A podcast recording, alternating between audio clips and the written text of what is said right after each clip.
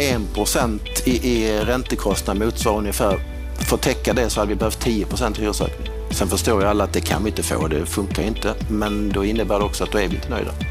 Då, då, då blir det svårt att få ihop det. Ja, det är svårt att få kalkylen att gå ihop. 1% i räntekostnader. Det kräver en hel del hyreshöjningar som fastighetsägarna inte får i årets hyresförhandlingar. Per Ekelund, han är tydlig. Ibland behöver någonting hända för att det ska bli en förändring.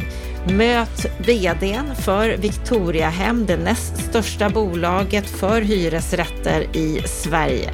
Vad är det han egentligen vill se framöver? Varmt välkommen till det här samtalet som vi tar ifrån vår konferens Bopool Live Hyresrätt som vi körde i Stockholm den 31 maj i år. Vi tyckte att det här samtalet var så bra så vi vill ge det till dig så att du kan lyssna på det nu i efterhand. Det här samtalet det kommenteras av Martin Lindvall som var expertkommentator på plats och efter det här samtalet så kommer Kent Persson att ge sina reflektioner. Vad är det Per Ekelund säger, tycker och vad är det vi verkligen tar med oss ifrån det här samtalet? Varmt välkommen till Bopolpodden. Varmt välkommen till det näst sista avsnittet som är lite mer fördjupande för den här säsongen, för den här sommaren. Nästa vecka då är vi tillbaka igen med en sammanfattning av, inte bara en sammanfattning av Almedalen, det har vi nu på fredag, utan en sammanfattning av vad Niklas Wykman, vår finansmarknadsminister, tycker. Den kommer du få om en vecka. Men nu, nu ska vi koncentrera oss på Per Ekelund. Jag heter Anna Bellman. Varmt välkommen till Bopolpodden.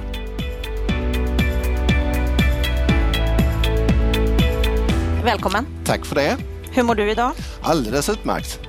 Varför då? Ja, för jag åker till Stockholm och träffa dig. Ja, visst är det trevligt? Ja. ja vi brukar hänga ibland, du och jag, ja, eh, på olika konferenser och det är väldigt trevligt. Och nu ska vi ju titta på den här speciella situationen som är just nu mm.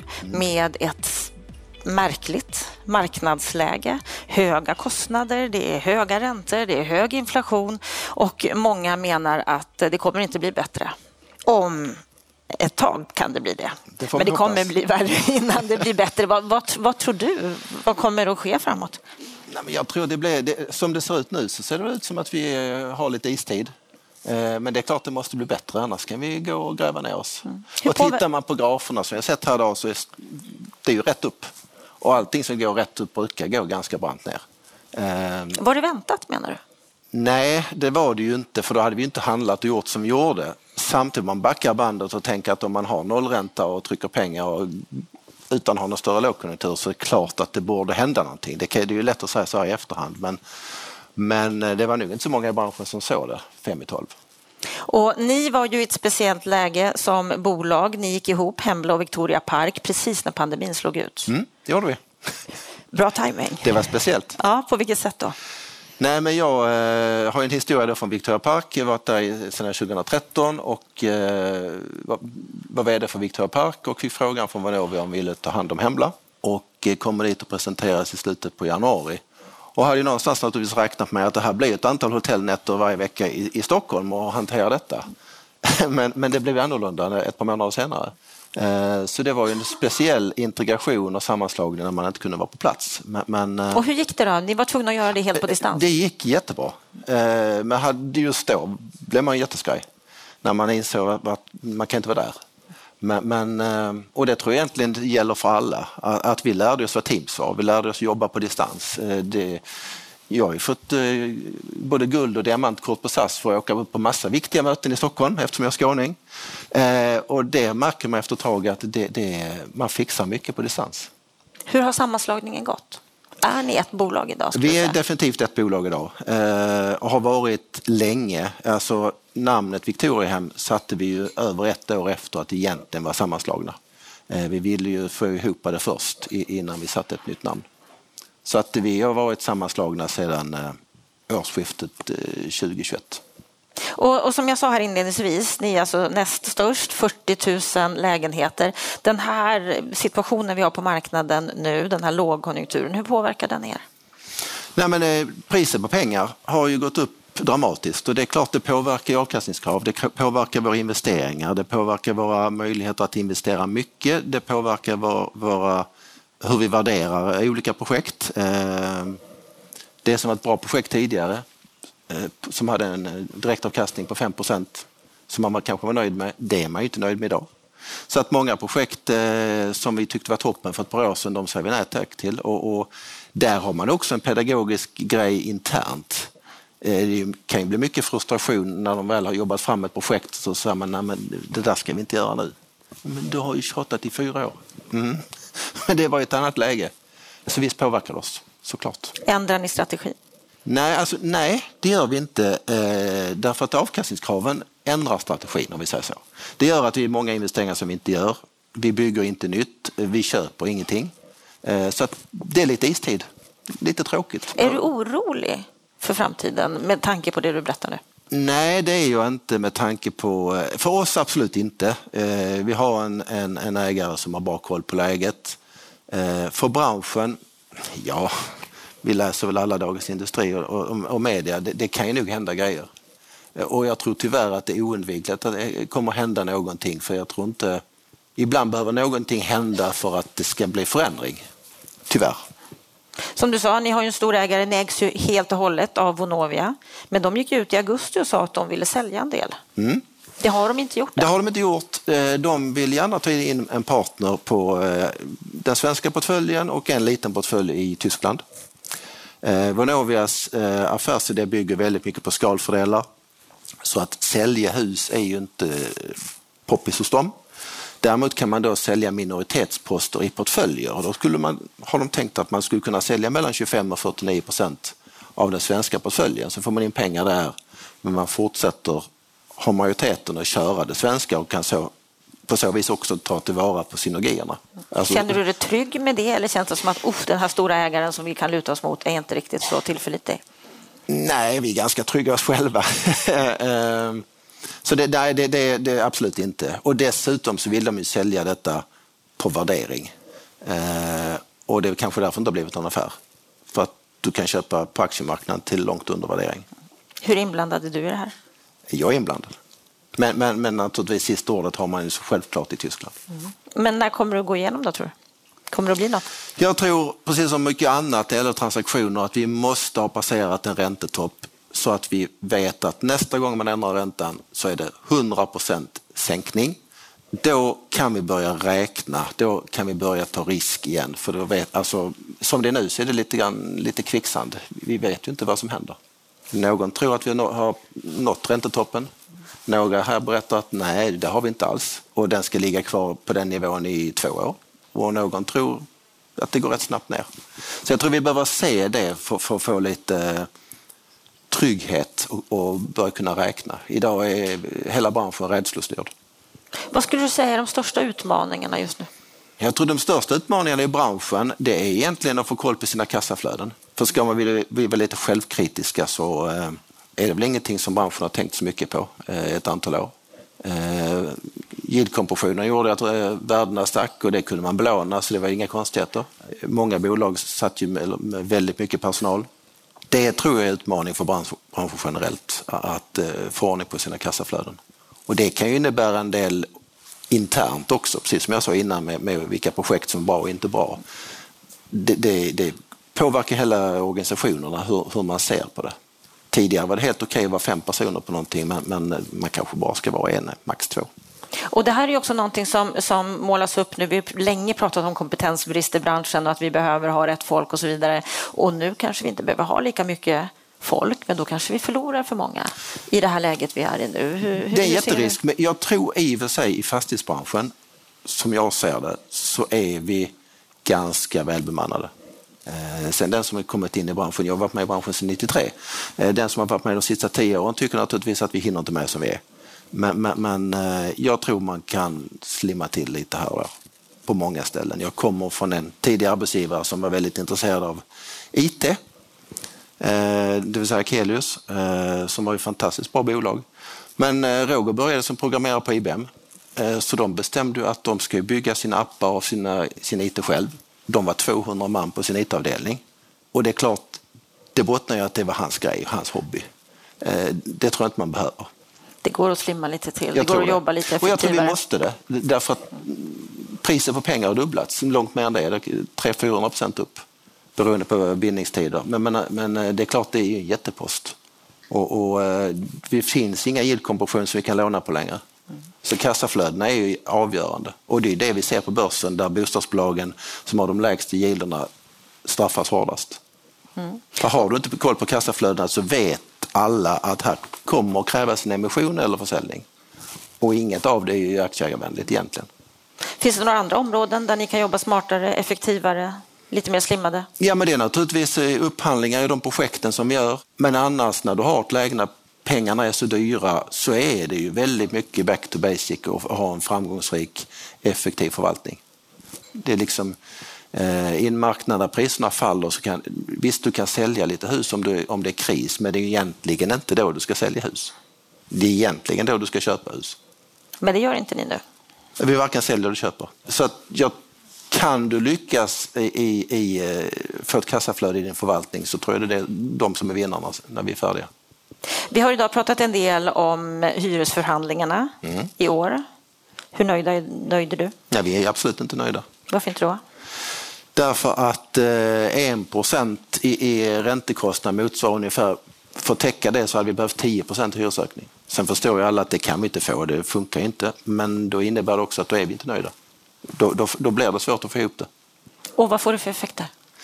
Effekterna blir att man måste hålla, titta ännu mer på pengarna man måste kanske eh, se över eh, organisation, eh, kostnadsbas och så vidare ännu mer. Man får skära ännu mer projekt, men skära i projekt är ju inte heller bra därför att vi har inte gjort projekt därför att det är skojigt. Vi har gjort projekt därför att husen behöver det och därför att det är en bra affär. Så det är ju inte heller riktigt bra, men, men det är ju det man får göra. Och, och, det vissa oroar sig över, som vi har hört från den här scenen idag, det är att får vi inte tillräckliga hyreshöjningar, kostnadstäckningar, då kommer vi inte kunna förvalta fastigheterna. Men så blir det Alltså vi har bara en intäkt och det är våra, våra hyror. Kommer vi att se försämrade hyresbostäder framöver? Det hoppas jag verkligen inte. Det vore ett problem och jag tror att branschen och våra motparter kommer att förstå det med tiden. Men hur lång tid är ni beredda att vänta då? Vi som bolag är beredda att vänta länge. Eh, branschen som sådan, det, då är vi tillbaka på kassaflödet. Och, och, det är väldigt olika från bolag till bolag. Vad skulle du vilja se för typ av eh, förhandlingssystem framåt? ja, det är ju svårt. Jag, jag, tycker faktiskt att förra regeringen var rätt så bra på det, med, med men det gick ju som det gick, med, med eh, fri hyressättning vid nyproduktion. Eh, det, ble, det är ju inte så dramatiskt som man målade upp det. Men det hade kunnat innebära en eh, infasning av någonting annat. För som det är nu så har ju faktiskt Hyresgästföreningen i, praktiken veto. Vi kan önska en hyra och så säger de nej. nej. Vad gör vi då? Vi har ju inget vettigt skiljeförfarande. Eh, så, så att någonting behöver ju ske. Så det skulle också kunna vara ett bättre skiljeförfarande. Eh, och inte som man ibland skojar om, det finns på allmännyttiga sidan en, en HMK, hyresmarknadskommitté, men det kallas i praktiken för en halveringskommitté. Det vill säga man lägger det mitt emellan och det, då funkar det inte heller. Så, så att ett riktigt skiljeförfarande. Vi har hört förslag här idag på indexerade hyror ja. som man har i kommersiella sidan, fast kanske lite anpassat efter, efter hyresrätter. Skulle det vara en väg framåt? Det var varit jättebra. Det hade påminnit lite om, om det tyska systemet, som jag också tycker är ganska bra, där man inte förhandlar alls, utan man eh, på tysk manér man räknar i Excel och kommer fram till ökningen och det gör man eh, det gör man igen, eh, i varje landsting, olika beroende på hur kostnadsökningen är i det länet. Eh, Eh, hur fjärrvärme och el och så vidare rör sig, löner och så vidare. Så det, det, är en, det är en inflationsskydd kan man säga. Det hade varit rätt bra. Då kommer vi bort från allt förhandlande och vi får någonting som baseras på hur verkligheten ser ut och inte vad folk tycker och känner. Mm. Vi får se vad som händer. Det är många som, som skriker just nu ja. om att någonting måste Men ske på det, här området. Det, det är som jag pratade om innan, det finns en anledning till att folk skriker. Det, det är nya tider. Någonting som ni har jobbat mycket med när det gäller just att, att, att förvalta bostäder, att renovera bostäder, det är ju att renovera tomställda lägenheter. Mm. Där ni har renoverat en och en ja. lägenhet på det här sättet. Hur, hur, hur, fungerar det idag med det här läget som, som vi har? Det fungerar. Det fungerar inte lika bra som innan eftersom eh, avkastkraven har ju gått upp. Men, men eh, det är fortfarande en bra affär. Eh, eller åtminstone fortfarande en frisk affär. Så det gör vi fortfarande, men vi gör det i mindre omfattning. Och, och eh, anledningen till att göra färre, det är helt enkelt eh, eh, priset på pengar har gått upp. Och eh, skillnaden mellan avkastning på, på projekten och priset på pengarna är ju naturligtvis mycket mindre. Och, och, ni har ju varit mycket i, i utsatta områden, miljonprogramsområden. Det är där vi är. Och ja, exakt, det är, där ni, det är där ni jobbar och, och det är där en stor oro, oro finns när det gäller vår bostadspolitik, när det gäller osäkerheten, att vi måste hitta en trygghet. Om det inte är samma lönsamma affär, hur ska vi få de här områdena att bli friskare och mer mm, Nu tror jag i och för sig inte områdena blir himla mycket otryggare om vi renoverar en, lite färre lägenheter utan det handlar nog mer om hur vi jobbar i områdena i övrigt. Eh, vem som bor där, hur, hur vi eh, allmänna utrymmen, eh, att vi är närvarande, att vi är synliga, att vi tar tag i problem, inte duckar. Jag tror det är de grejerna som är väldigt viktiga. Samverka med, med, med kommuner och, polis och så vidare. Så att det känns tryggt att bo. Hur går det arbetet idag? Det går bra. Det är inte beroende av lågkonjunktur och annat? Nej, men det, det, vårt bosociala arbete, till exempel är 15 procent av vår personal eh, våra hyresgäster, de som håller rent och snyggt i området.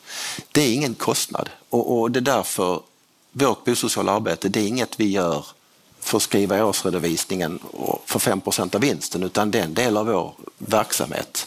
Eh, det kostar, det, vi sparar inte mer någonting på det och vi vinner ingenting på det, utan det är vårt sätt att jobba med det. Någon ska eh, hålla rent och plocka skräp, ja men då låter vi anställa boende för att göra det. Annars hade vi fått ta in en entreprenör. Och det är klart vi får kanske anställa några fler när det är boende. Men i gengäld så får vi eh, stöd av Arbetsförmedlingen när vi tar in boende. Så det är en plus minus noll affär. Du sa tidigare att ni varken köper eller säljer just nu. Då kom det naturligtvis en fråga från publiken här. Kan det bli köpläge i närtid om exempelvis SBB är villiga att sälja? Ja, då är det, då är det en stor kaka och, och, och då ska jag inte säga nej. Eh, det skulle jag göra om det var en mindre affär.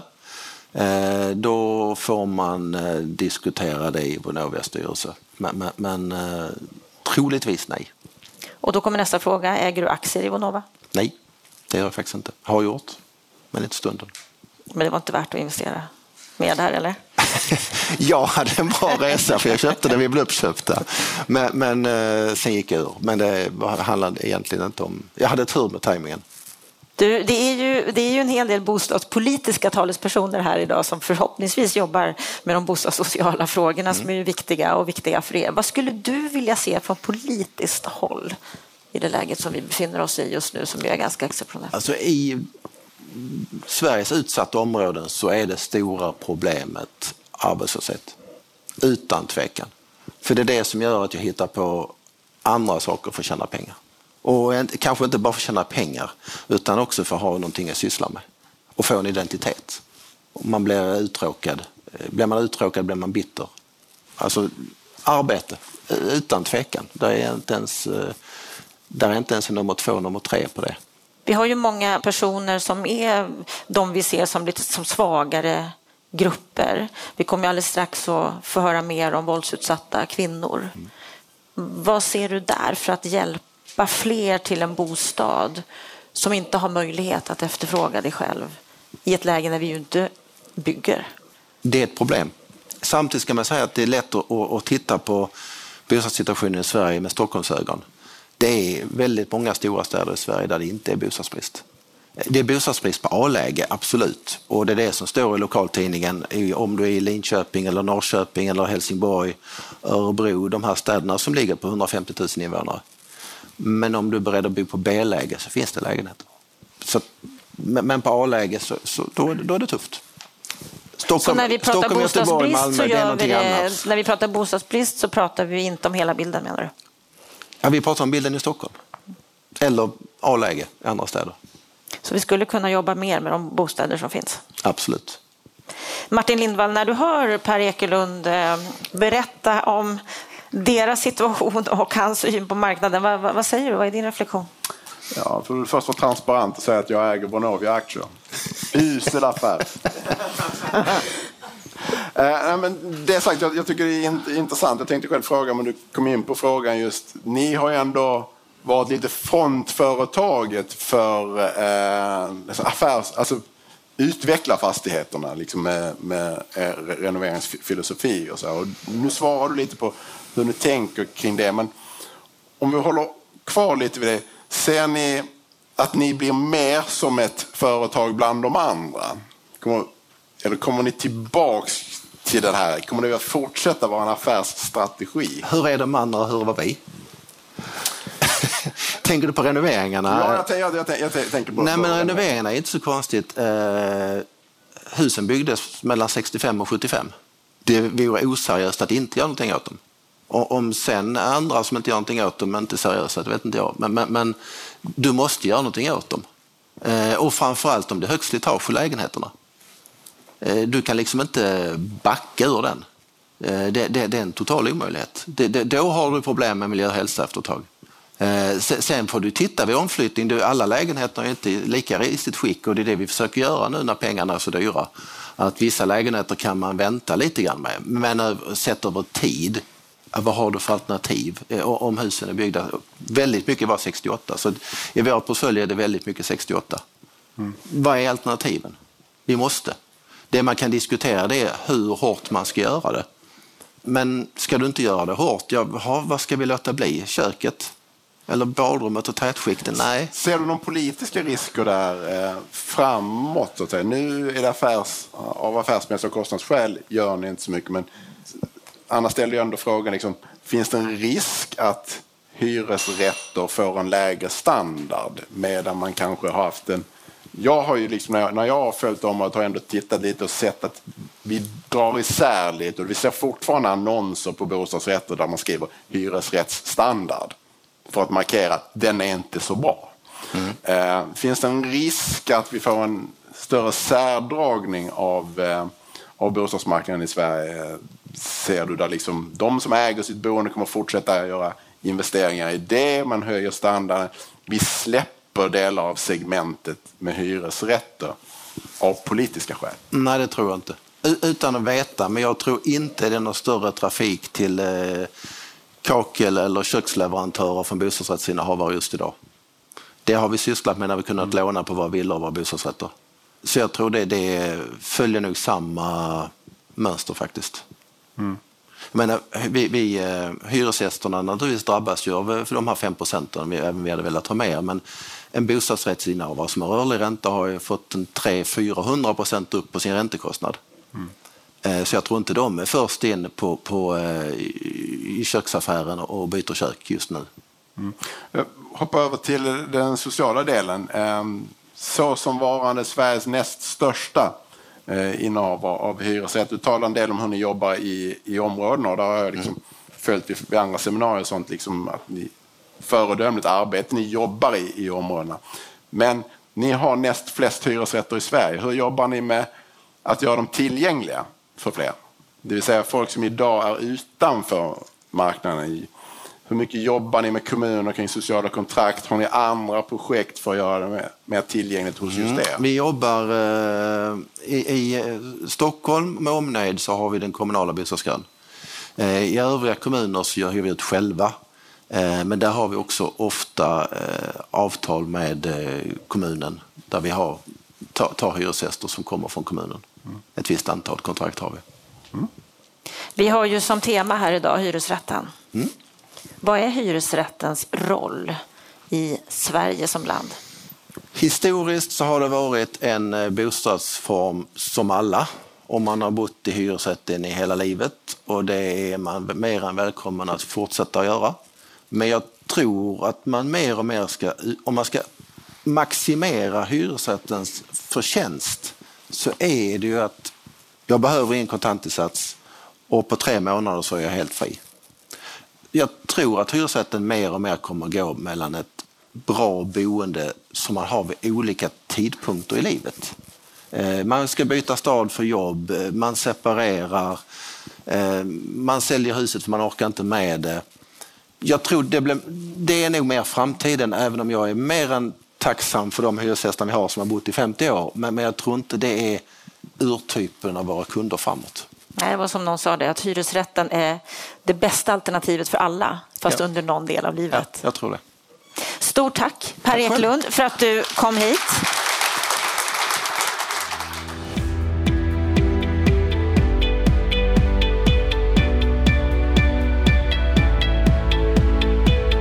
Ja, då har vi hört samtalet med Per Ekelund ifrån Bo på Live Hyresrätt 31 maj som vi sänder så här exklusivt i efterhand. Kent Persson, vad tänker du när du hör det här samtalet? Jag var ju också med på plats när vi spelade in det. Eh, det är ju en... Eh, jag tycker ju om Per. Alltså han eh, har ju funnits länge i branschen, varit VD sedan 2013. Haft styrkan att slå ihop två stora bolag till ett. Och han är ju en tydlig ledare. Tydlig i sina värderingar, tydlig i vad han ser framåt. Jag har också haft den stora förmånen att få vara med i olika typer av möten där vi träffar politiker där han är med. Han är ju otroligt tydlig i sin förväntan på politiken, vad de som bolag kan, kan bidra med. Och han har en gigantisk erfarenhet att luta detta emot. Eh, så att jag tycker att Per Eklund är verkligen en av de eh, företagsledarna inom fastighetsbranschen som man bör lyssna på. Han har en genuin kunskap och är villig att dela med sig av det. Det hör vi ju i det här programmet. Det hör vi väldigt tydligt och han är ju också tydlig med att ränteökningarna blir ju inte kompenserade av de hyreshöjningar som sker i år. Deras bolag, Victoria Hem, är ju ett av de bolag i Malmö som vill ha högre höjningar, har begärt en andra hyreshöjning och nu har det strandat de förhandlingarna. Han menar att 1 i räntekostnader, då behöver man en 10 i hyreshöjning. Vad säger du om det resonemanget? Är det så stora hyreshöjningar som man behöver för att klara av sina kostnader? Ja, det, det är ett bra räkneexempel och eh, det är många från branschen som också vittnar om det och att, man, att de här hyreshöjningarna eh, som vi fick i år är alldeles för låga. Jag tycker att det också är bra att han är fortsatt tydlig i det och också att han också signalerar att det, det förhandlingssystem vi har idag, det kanske faktiskt inte fungerar framåt. För att risken med att, att vi får för låga hyresuppräkningar varje år, det är ju alldeles uppenbart att det kommer förr eller senare leda till en sämre kvalitet i fastigheterna och det kommer leda till ett sämre boende och en sämre trygghet. Alltså boendet är helt avgörande när det handlar om att, att bygga ett samhälle som fungerar. Och får man då inte affären att fungera, då kommer det faktiskt också hota samhället i stort i att det faktiskt blir värre och sämre. Och han är tydlig i det och det tycker jag är bra. Det ska man vara. Och vi pratade om det där just med hyresförhandlingarna och, och, kan vi tänka oss ett indexerat system? Det har vi pratat en hel del om här i podden bland annat. Och då pratar han om att ja, det här tyska maneret med att man kan titta på respektive län, region, att, att det är mer förutsägbart, det skulle han gärna se. Vad säger du om det? Nej, men jag tror att det är rätt. Ett index och det, det, skulle man kunna plocka fram och det skulle också med fördel kunna vara lite lokalanpassat för vi ser att vi har lite olika kostnadsuppräkningar beroende på var i landet du ser. Det har ju också att göra både med elen såklart, där vi har våra elområden, men det har ju också att göra med lokala taxor som påverkar detta i allra högsta grad. Så att ett index med en, en viss anpassning till lokala vore bra det tyska systemet är ett man kan titta på. Eh, och framförallt så skulle det ju skapa en förutsägbarhet både för fastighetsägarna men det skulle långsiktigt också skapa en trygghet för hyresgästerna. Att man vet att fastighetsägare, oavsett om det är allmännyttiga eller privata, faktiskt har en förutsättning att kunna sköta sina fastigheter. Det han också pratar om det är ju att han inte tror att fastigheterna kommer att bli ridande, som ju många i branschen pratar om nu, att om det inte blir de här hyreshöjningarna då kommer fastigheterna bli ridande. Han säger ju att han är beredd att vänta ett bra tag. Hur ser du på den logiken? Alla bolag i Sverige som har starka ägare och är långsiktiga i sitt ägande kommer att klara detta. Eh, det är jag också trygg med att de seriösa kommer göra och allmännyttorna, men det kommer bli tufft. Och det säger han ju också att det är klart att det man just nu gör, eh, det är ju att man går inte in i ny nyproduktion. Man gör inte projekt och i projekt ska man komma ihåg, i hans beskrivning av projekt ligger det ju i att faktiskt eh, förädla fastigheterna och göra dem ännu lite bättre. Det ligger man ganska still med. Och han är också tydlig med att man inte kommer göra några förvärv så att man sitter still eh, och man är inne, som han beskriver, en istid och det är alldeles rätt. Här handlar det om att verkligen hålla igen för att klara detta tills det vänder. Och vänder, det gör det först när räntan de facto har börjat sjunka. Vi är fortfarande inne i en period där vi har problem med eh, eh, inflationen och att faktiskt räntorna stiger och då är det väldigt svårt att gå in och göra fastighetsaffärer eller starta projekt. Så att jag tycker att han är tydlig att de kommer ta det långsiktiga ansvaret. Det är bra, det är vi många som kommer göra, men han är också tydlig i att vi kan inte ha det så här som det är nu. Vi måste få högre hyresuppräkningar, annars kommer detta bli problematiskt. En annan sak som jag, som jag vill ta upp med dig Kent, det är, det är ju hans syn på det här med bostadsbrist. Det är ju lätt när vi pratar i den här podden och när vi diskuterar bostadsbrist att, att, att vi får en känsla av att det är bostadsbrist i hela Sverige. Det är katastrof, det finns inte bostäder. Det han menar det är att bostadsbristen finns i Stockholm och i A-lägen i våra större kommuner. Det finns bostäder. Det är inte så att vi har en generell bostadsbrist i hela landet. Har han rätt i det? Jag är benägen att hålla med honom om det. Eh, att eh, Stockholm har vi jättestora problem och jag tror också att Stockholms det måste till en egen lösning för Stockholm som man får fart på bostadsbyggandet. I Stockholm så skulle fri hyressättning på nyproduktion, det skulle sätta fart på byggandet och då skulle man kanske under en tioårsperiod, för så lång tid skulle det sannolikt ta, ändå kanske kunna komma ikapp så man får en marknad i balans. Stockholmsmarknaden är helt i obalans och det drabbar oerhört många. I övriga Sverige skulle jag säga det att i universitetsorterna så är det tufft, men det är framförallt i A-lägena och den bästa indikatorn på att faktiskt se det han säger stämmer, det är återigen, det är faktiskt att titta på nyproduktionen.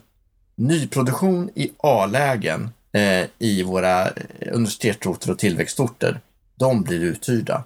Men om du hamnar med nyproduktion utanför A-lägena, då är det jättesvårt att hyra ut dem. Och det visar att den här bostadsbristen är inte fullt så stor som det påstås i debatten. Det finns boenden att få tag på, särskilt om man är beredd att pendla, eh, i alla fall en liten bit. Avslutningsvis, det jag skulle vilja, vilja ta upp med dig, det var ju det som vi bara touchade. Eh, eftersom vi hade en begränsad tid på den här konferensen i det här samtalet så pratade vi inte jättemycket om just den sociala bostadspolitiken. Men Victoriahem, de, de finns ju i våra miljonprogramsområden, i våra utsatta områden där de gör ett fantastiskt arbete. Vad skulle du säga att en fastighetsägare som Victoriahem, vad har de för betydelse för våra utsatta områden? En mycket stor betydelse. Jag skulle säga det att, att få in fler fastighetsägare i de här miljonprogramsområdena är helt avgörande. Det ökar konkurrensen och det ökar också förmågan och viljan att vilja investera mer. Jag tror att man i de här områdena både behöver olika upplåtelseformer, men framförallt på hyresrättssidan så skulle man behöva fler aktörer som äger.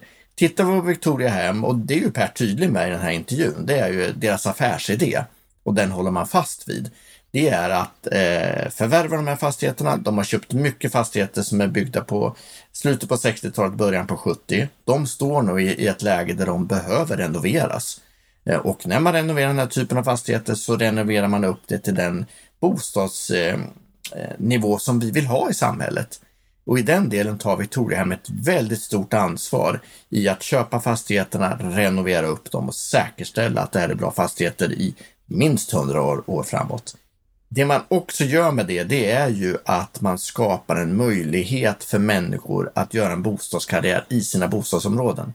Det kommer finnas fler olika nivåer att välja på, mer med lite olika kvalitet och du behöver inte flytta ifrån området om du har fått ett jobb, tjänar mer pengar och känner att du har råd till ett lite bättre och dyrare boende. Då kan du flytta inom området. Här är också Victoria hem med och bidrar. Den sista delen som jag skulle vilja bara förstärka i den sociala insats de gör, det är ju att de har också ett väldigt stort bostadssocialt hjärta. Han bidrar det med att eh, 15 procent av Victoriahems personal kommer direkt från de här bostadsområdena. Det är ju en jätteinsats där man ser till att människor från de här områdena går ifrån utanförskap in i jobb och därmed faktiskt kan börja etablera sig i Sverige. Jag tror att vi skulle behöva prata mer om det i det här landet. Det är att hur kan vi få fler människor att få jobb, komma jobb i de här områdena? Men också hur kan vi bli fler företag som synliggör det vi faktiskt gör på det sociala området. Det är många bolag och framförallt många fastighetsbolag som bidrar väldigt mycket med bostadssociala åtgärder. Om det borde vi faktiskt prata lite mer om. Då tycker jag att vi tar det och pratar mer om det framöver.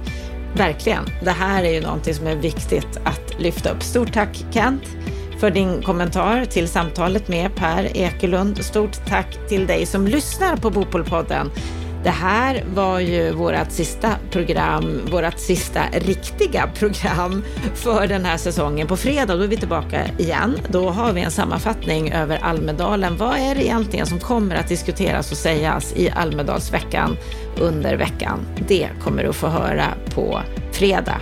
Och sen har vi faktiskt ett program nästa måndag också då kommer ni att få träffa Niklas Wykman som vi kommer att samtala med under Almedalsveckan. Så vi är inte helt klara för den här säsongen, men nästan. Vi är för slutlandning kan man ju nästan säga. Stort tack, ha en riktigt fin vecka så hörs vi på fredag igen.